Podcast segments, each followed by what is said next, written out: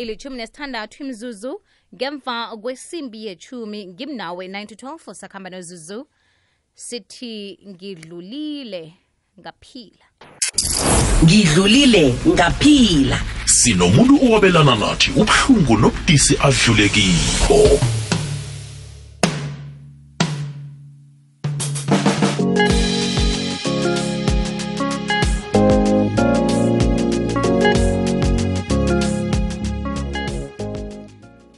nekhomba imzuzu ngemva kwesimbi yechumi kwekwezi fm kukhanya ba.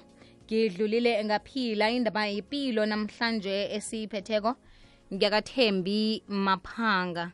Thembi maphanga usemiddleback um ngingafuni nokho ukuthoma ngokutsho ukuthi kwenzekeni kuye usesithembi nguye ozasihlathululela kuza kuvela nasicocako. Ukuthi ubudisi adlule kibo empilweni obubuhlungu khulu kube yini kuze njani kwenzekeni um nangabe benziwe mumuntu ngubani umuntu loyo umazi njani. Sifuna ukuthoma ngokumazi usesithembi yena ngokwakhe ukuthi ungubani. Sesithembi lotsha. Lotsha sizulu and ngibingelele futhi nabalaleli emakhaya. Siyathokoza sesithembi ukuthi namhlanje usiphe isikhathi sakho emhatshweni kwekwezi FM sizokuzwa indaba yempilo yakho njengoba-ke wabelana nathi. Bonga mina esizuzu. Sisithembi sibawa ukukwazi. Usesithembi li- libizo lakhe igama unguthembi. Kodwana ngubani umuntu lo? Uthembi umntwana okhulele ubanki ohlala okwamanje emiddleburg ngokusebenza oyi-ben and domestic survivor and activist oyi-director yekhampani eyi-non-company et advocator on behalf yabantu abahlukumezekile kwi-gender based violence nama-ben survivors hmm. Wa- ukhulele ewitbank kunjalo sisikhulele witbank hawu kuphi nendawo iwitbank achazel rampa street. Erampa? Yebo. Hawu okay sisithembi ngenzeka ngiyakwazi. Alright ngaphithizela khulu erampa nangisesemncane akhaviwa okay. Wow. Okay. Ya ngikho ngithi um mhlambe ngiyakwazi ngasemaloma ne? Yes ngasemaloma ngase Ah, ezenzele. Ya ya. Ngiyakubona lapho. Njenganje usemiddleburg okwamanje ngise-middleburg ngisuke ekhaya mfunda ngase ngithola umsebenzi e-middleburg Mhm. iminyaka eminingi endlulile se-middleburg sekusekhaya okay. All right. Eh sesiyazi-ke ukuthi usesithembi ngewe-wheatbank usesithembi njenganje usemiddleburg sizokwizwa indaba yempilo ngibawa ungibambele njalo sesithembi siyithengise bese siyabuya alright ikwekwezi fm ikutop 10 yemirhatsho ethandwako enarheni. Siyathokoza mlaleli. Skate one song. sibalwa nemirhatsho elisumi ephambili sithokoza wena mlaleli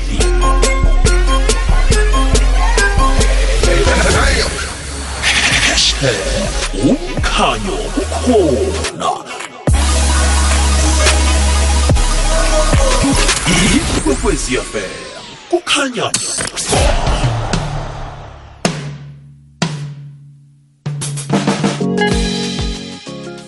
Imatshumi amabili nanye imzuzu ngemva kwesimbi yechumi kwekwezi fm kukhanya ba sikhambisana nothembi maphanga. Sizwa indaba yepilo nakathi ngidlulile ngaphila esesithembi nasikhulako um kuba nezinto eziningi nje sizenza kwimpilweni siyafunda sithola umsebenzi khonapho sithola nethando um sihlangana nomuntu osinikela ithando nathi simnikela ithando. Ngazi ukuthi mhlambe empilweni kasesithembi ikhona into enjalo ekhambisana nethando? Kunjalo sis uyazi ma ukhula though aba abazali bazoba strict. Mm. Bese sihambe uyotshontsha uthandane. Kodwa ngikhule abafana ngibasaba oh. Bengibasaba because ubaba wami was beka strict. So ngabheka nje iy'ncwadi zami. Mm. ngafika ekholeji ngaqeda. Ngase masengifuna umsebenzi. Ngawuthola umsebenzi kwenye yezinkampani eMiddelburg wangikosta ukuthi ngithuthe ngihlale eMiddelburg sesemncane kanjalo sengiyasebenza imali iyangena impilo imnandi. Hmm.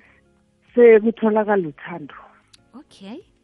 I-cherry on top manje ngiyazisebenzela naluthando izinto zihamba kahle nje impilo imnandi. Mhm ngithandane nomfana sithandane kube nje yinto ehambayo. Uyayibona ayidingi ukudoswa iya- iyaflowa nje. Ngiyakutshela wena. Ukarwa yini kuye? Yini yathi yabona ngiyababona boke kodwana lo nguye? Bekayi-sweet talker. Hmm. and beka- bekathandeka. Okay. Nje izinto eziningi besizenza sonke. Mhm. besingaphikisani masithi namuhla akuphekwa akuphekwa. Masithi namuhla siyaphuma siyaphuma akekho ophikisayo. So kulelo thando lelo mase kuphela unyaka asengizithola ukuthi ngi-pregnant okay. Ngi-pregnant awu impilo imnandi mangi-check-a bathi uthwele ama-twins. Oh. wow impilo yaze yaba mnandi. Hmm. Like ushaya two years nyoni ngelithe eliyi-one yeah pregnancy umfana nentombazana. Yeah. Fana nentombazana impilo iye ibe mnandi kuqhubeke mase ngina-five months of my pregnancy one day ngizivuke ngingase-right ngiye esibhedlela bathi kimi no kunento engase-right ngabantwana. Bobabili? Ba- bathola i-heartbeat yoyi-one oyi-one abayitholi so udoctor adecide ukuthi no emergency c-section sikufaka kiyo.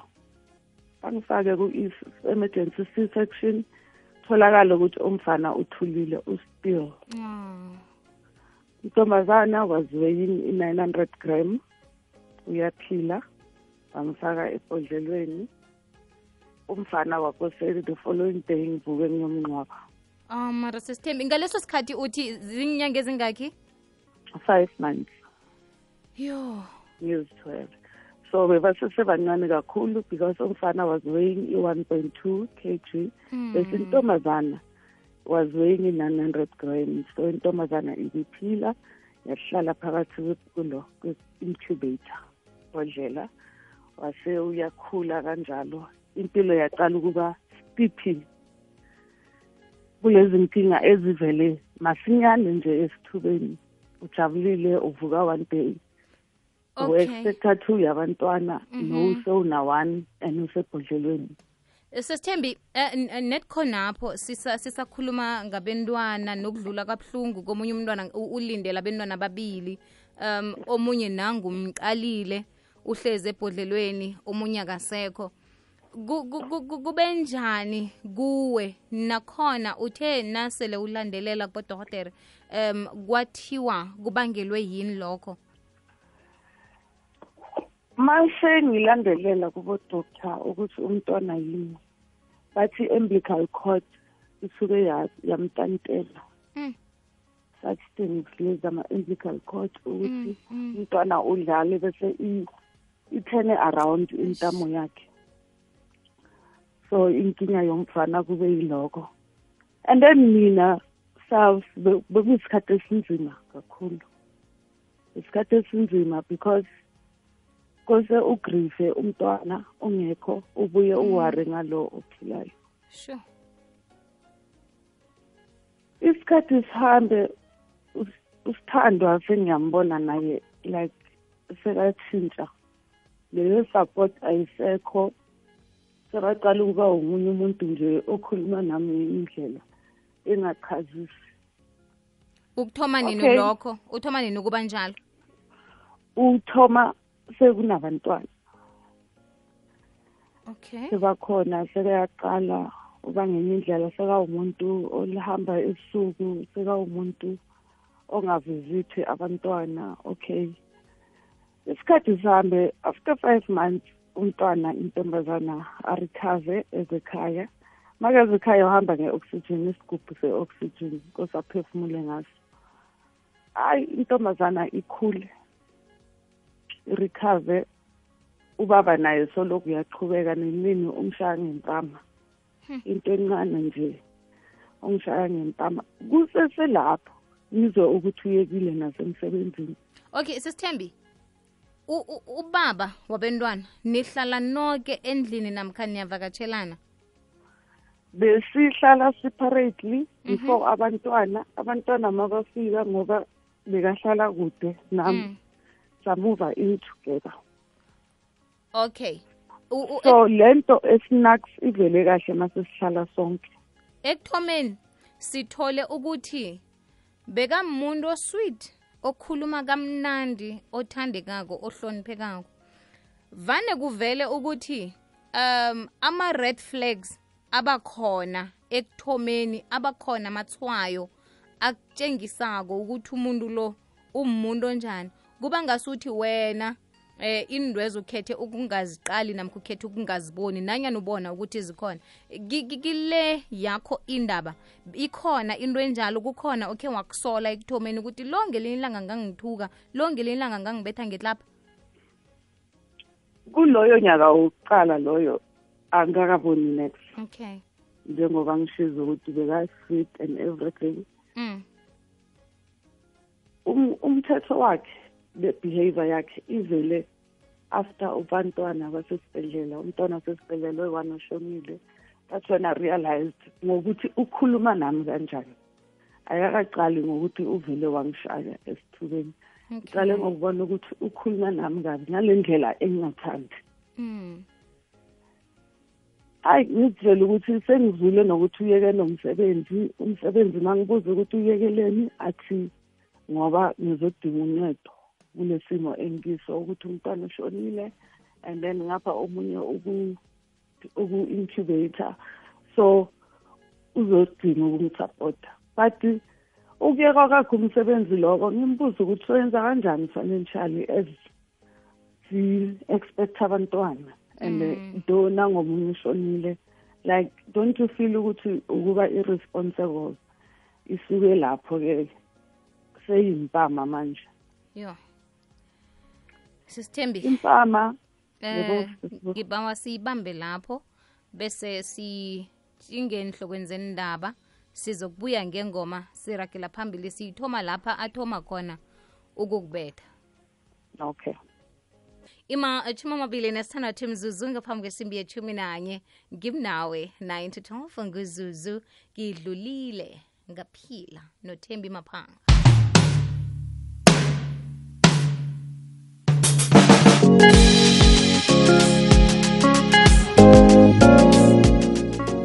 esesithembi usasekhona ngisesekhona sizu siyathokoza. Um besilapha nasi nasizwa ubuhlungu sidana. Silalele indaba ethome kamnandi kangaka ngethando nomuntu onethando obekakuphatha kuhle. Um sathi sisathabele ukuthi kuza abentwana abamawelana. Eyi izinto zajika. Sisathuswe ngilokho. Um yabentwana sekuvela yokuthi umlinganakho uyathoma ukubeka isandla. Yena lo muntu omthembako yena lo muntu omthandako. Ukhona sisithembi? Ngikhona sisizo ngikhona ngiba ngibawa siragele phambili nendaba ethu okay ukungibeka kwakhe isandla no wangivala ngeklab eshisayo eveza inkanyezi after five minutes uyabuya sekayaqolisa akazi ukuthi kwenzakaleni. Uyaqolisa uyaqolisa nje umuntu ombonayo ukuthi uyaqolisa ngimkholwe ngimqolele undlule two weeks mhlawumbe three weeks aphinde futhi. Umntwana sekakhona endlini ntombazana iyakhula iyalulama. Aphinde futhi aphinde axolise. Ngiqole kanjalo. Akwenze lokho kube yinto eseyinormal ukuthi uyaxolisa ngiyaxola uyaxolisa ngiyaxola. Ekubeni ngiyazi ukuthi i-wrong lento ayiyenzayo kodwa ngisazibuza ukuthi iphuma kanjani? Ngiyenza njani kule simo esikanje ngoba angeke uze uphile ushaywa endlini? And then umuntu athembise ukuthi uzolunga angalungi.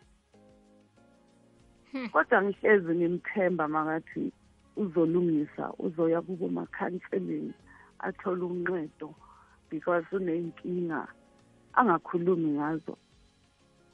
Ngimthembe nalapho ukuthi uzokwenza lokho.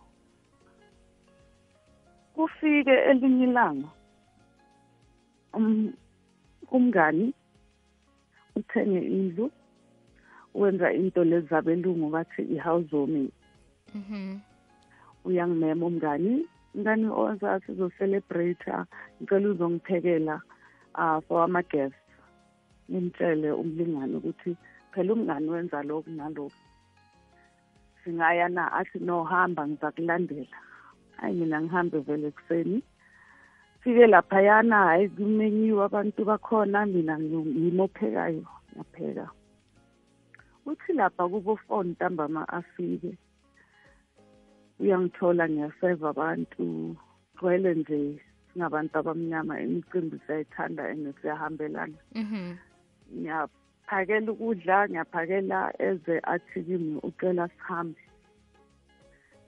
Ngithi hayi bo njani? Ngoba ngisesebhizi. Athi ngithi ngicela sihambe manje ngoba lana ngathi sewubhekwe abantu abaningi. Yo. And kwesiphele lento. Ngi- ngingamnaki ngithi hayi angihambi ngisesebhizi Mm. angidonse. Ngeyinwele i- kuwe yonke into bengiyiphethe sure manje seyayenza phambi kwabantu. Abantu sebayahlanganisa ukuthi oh lama makeup uvala ama blue eyes. Yo. Sesiyabona. So kugcwele abobaba laphayana abosimame abobaba abakhona bamlande bathi uyenza njani into kanje? Asuke abaleke abone ukuthi kushukile abaleke. Ahambe ngimyeke mina ahambe. Later le kubo ten umngane angikhaphe endlini. Mangifika akekho. Mangifona akaphenduli ifoni ekuseni kuyi-sunday. Uyabuya mlingani kwangathi akayenzekanga nex athi Mm. kimi uyakhumbula zowuloko uthi ufuna ukuzongishiya ngicabanga ukuthi ngihambe ngiyothola unqedo ngizoya ngiyohlala kumamami bese ngibona ukuthi unqedo ngilithola njani because le nto eniyenza izolo ayise-right awu yebo. Hayi angena endlini uyathatha iimpahla zakhe uyaphuma uyangena uyaphuma. Mina angimnaki. Athi makasekaqedile athi okay sengizohamba ngicela uzokhuluma nawe private besihlala no nomuntu osigadela umntwana masemsebenzini. Private singena ekamarweni uyathiya akusinto esinako ukuthi uyathiya kujwayelekile. Uhlezi laphayana umuntu sekahlanga uya up and down ekamarweni up and down. Ngiyabuza ukuthi kanti sizokhulumani ngale side lombhede ku-headboard uguga i-five liter. Yo sesithembi net khonapho. Um ngiba wasithengise bese siyabuya. Alright ikwekwezi fm ikhanyisela ilimpopo yonke ku-104.1 kukhanya ba ngena emahlelweni ngokuthumela iphimbo lakho ngewhatsapp ku-079 413 2172 ikwekwezi fm kukhanya. Ba umhali ongakabongwa. Isifundiswa sezokhwari esithanda i-afrika nobu-afrika baso. Umlweli wetshapuluko yamasewula afrika uprofesa bitika ntuli youtube channel. Hashtag abahali bekhethu. Ikwekwezi fm kukhanya ba ilithumi nethoba imzuzu ngaphambi kwesimbi yethumi nanye. Ngimnawe 9 to 12 ngidlulile ngaphila nothembi maphanga. Sesithembi uthe umntwana ukuphi? Umntwana uyangilandela uya nami ekamareni nakathi ucela ukukhuluma nami privately.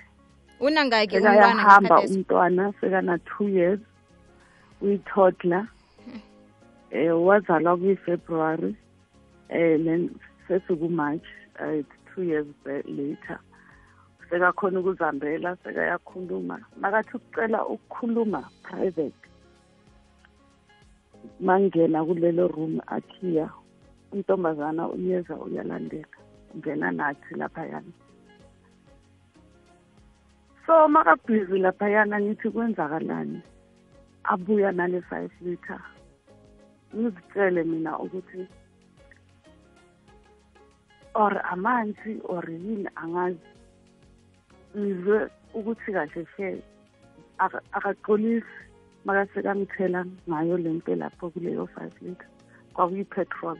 Sure. sengiyabona ukuthi akukho kuxolisa sisalwa. And uzimisele le nto ngiyiplenile kahle because ngivuke lapha ekamareni bekungana-five liter so somehow i-five liter uyikhonile ukuyifaka. And besinganayo endlini i-five liter ye-petrol anyway. So yinto ayiplenile abe sure ukuthi ufuna ukuyenza ngoba it was in-accidental akangithela ngayo ngimbambe izandla eziyi-two ukuthi zingahlangani uphethumetis ngamncenga umuntu ngamncenga. Wathi kimi akekho umuntu ozokubheka ngale ndlela engikubheka ngayo namuhla. Wangi-overpower walahla umetis phansi. Kamero lagcwala ngomlilo. Uyiplenile yena yonke lento mina i have only few seconds to think ukuthi manje ngenza njani. Aphume ngewindo ashiwe laphayana. Sengisele nentombazana ngithi ngiyacabanga nami sengisha lokho ukuthi angisakhoni nokucabanga. Ngiphume ngewindo nami ngiyozithela ngamandla. Umakhelwane wami abone ukuthi hayi mani kunentuthu lapha kuleya ndlu abafika ngibatshela ukuthi hayi mani umntwana useselapha Yo. ebedroom yo yo. Bathi bayangena umnyango bukhiwe and then bakhona ukungena. Abomakhelwane bangene ngalelo festera bamkhipha umntwana. Mangimbheka ngalelo langa umntwana. Ekangashanga ngale ndlela mina engishe ngayo. So kulawo ma-moments ngizitshela ukuthi ngoshona ngoba bese ngiqala ukuvuvuka khona lapho. And then untombazane ama-bruises wakhe bewenza slowly slowly. Kanti ngebhadi umntwana ngimbona kokugcina ngalelo langa oh, sisithembi. Sahanjiswa ezibhedlela ngama-aeroplane ayi-two. Sure. Ngoba isibhedlela sasemittelburg kwathiwa abakhona ukudila ngama-bands akanje. Basithumela egauteng. Angazi nokuthi egauteng ngifike njani. Hmm. because already besengilele kukhoma umntwana uphilile two days washona. Ngilele mina kukhoma nyangiyaphela is two is three is four loko ngilele ngiku-life support ngidla ngama-pipe yonke into nje. Umntwana angqwathwe soloko ngilele Hmm. so umfomo akafunwa kuleyo process ubalekile akekho akatholakali. Uyafunwa phansi phezulu akatholakali ubalekile. Kuthi after kuma-five and a half months ngivuke. Sengikhona ukubona ukuthi ngikuphi bese bayangikhumbuza ukuthi uyakhumbula kwenzakaleni. Nokho ngiyakhumbula ukuthi oh mandisile nomntwana. Ukuphi? Hmm. and then ukubuza kwakhona ubuza lokho ukuthi usese-ku-life support. When you on a life support bakuvula la entameni bakufaka amaphayiphi amaningi akuphefumulelayo and everything. Awukhoni nalokukhuluma kahle. So Mm. Uyabhala or uyasignala ukuthi wenzakalani ngibona ukuthi hayi ngilimele because umzimba wonke bowubhandishiwe ubuso izandla ifamily inandiyeza because Joburg and Witbank kusekudeni beza ngama-sundays bazongivakashela. Ngibuye ngibuze futhi umntwana ukuphi? Bangivele ne-counselor. Or i-psychiatrist izongitshela ukuthi hayi mani ngiyakhumbula ukuthi ngishile so umntwana ushe kakhulu. And azange asurvive ah ngithi ngiyabheka isimo ukuthi hayi mani vele mina bheka njani? Umntwana omncane ovele ayi-premature uzosurvive kanjani? Ngizikhulumise mina ngingedwa ukuthi hayi mani umntwana bekangeke asurvive bheka mina njani. Hmm. ah i-counsela ihambe ngabe ne-stress. Later that day ngibuyele black to coma. So somehow le ndaba azange yangiphatha kahle. Mm. ngabuyela kukhoma but it lasted ilanga eliyi-one ngase ngiyaphaphama-ke lapho-ke ukuvuka kwami ngazithola ngingazazi ukuthi ngubani. Ngene laphayana nginomntwana ngivukile ngisanamntwana ngifila ngi-trapped kulo mzimba engingawazi ukuthi wakabani. Kuhamba isikhathi ngizitshela ukuthi no kungqono ngishona ngoba le angeke ngize ngikhona ngalokudla for two, two days ne-medication kuthi ilanga lesi-three kufika into nje. But in spirit emaphuphweni untombazana angifikele.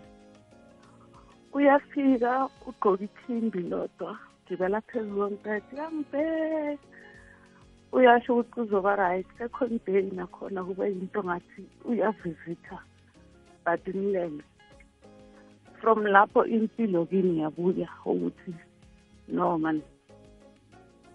Angikwazi ukudisappointa umntanami.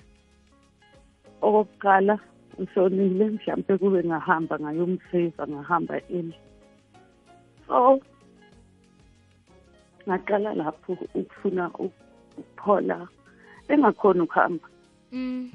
kunezinto ebathi makhabage so bengiyile nto leyo ukuthi ukuhlala kwami esibhedlela bengigezwa bengidliswa yonke into bengenzelwa yona. U- on catheters both side kube njalo nje kube nzima but ngizitshela ukuthi ngifuna ukuphila. Mhm.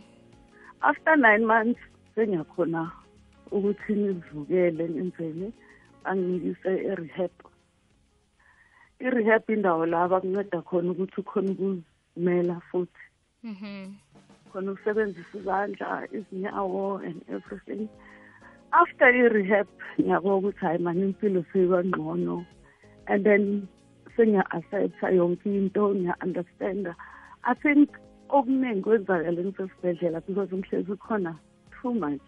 Okay. and nokuba exposed kuma-band survivors amaningi ama-third degrees. Abanye abasaboni abanye abasanazandla.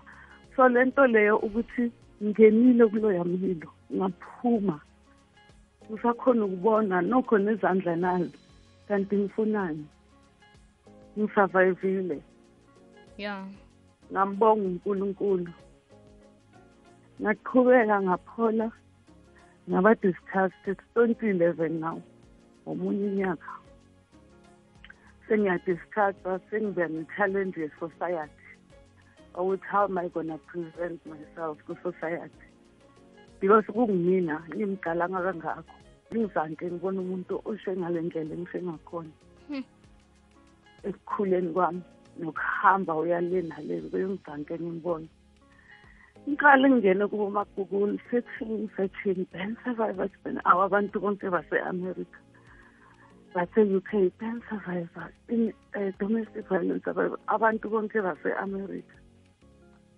Hayi ngiphume beng- bengibhinqa ngikhala pigmentation bengakabuyanga but injabulo benginayo ukuphuma kwami esibhedlela ngihlezi almost a year and a half. For mina it was wow nginikezwe i-chance yokuphila kwesithunzi. Mhm. ngale ndlela yokuthi bengikhona ukuzihambela ngiye emall. Babaleka abantu abanye babheke but le nto yokuthi abazi ukuthi lamakazi lamabala bewayizilonda esibuhlungu and they won't understand ukuthi ngicelebrate ini nanoma Yeah. i-treatment ingangabuyanga Yeah. so ngahlala ngiyi-one ngadecide senginefoni ngibuyile ekhaya ngi-outpatient nande ngiyaye esibhedlela cause my wounds amanye ngapha emuva bewangapholanga ngingena ku-social media ngivule ama-pages nani nani Sisithembi eh yebo. kancane sithengise bese sibuye sisebenzele ukuyivala ke indaba ethu nasenza nje. okay emelo ukuya ehenrina lalela ngompopo ohaja ukusukela edouble 94.5 yikwekwezi yafela kukhanya ba Sesithembi siyithatha lapha. Sithola khona ukuthi nje ulwa nokuphola ulwa nokubuyela impilweni nakho uphile impilo ejayelekileko. Eh bese okhunye sifisa ukukwazi ukuthi umuntu lo wakulimazako yena kwenzekani ngaye? Watholakala na?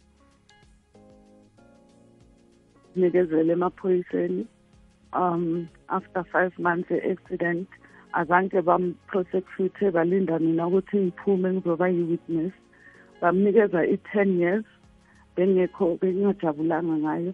Kule ten years i-five ibe yi-suspended so uthe nje uhlezi two and half years mangathi ngiyabala ngisazithola nami ubuyeka sekaphumile aphile impilo yakhe ngaphandle awumuntu oright kodwa azange bengahlangana naye.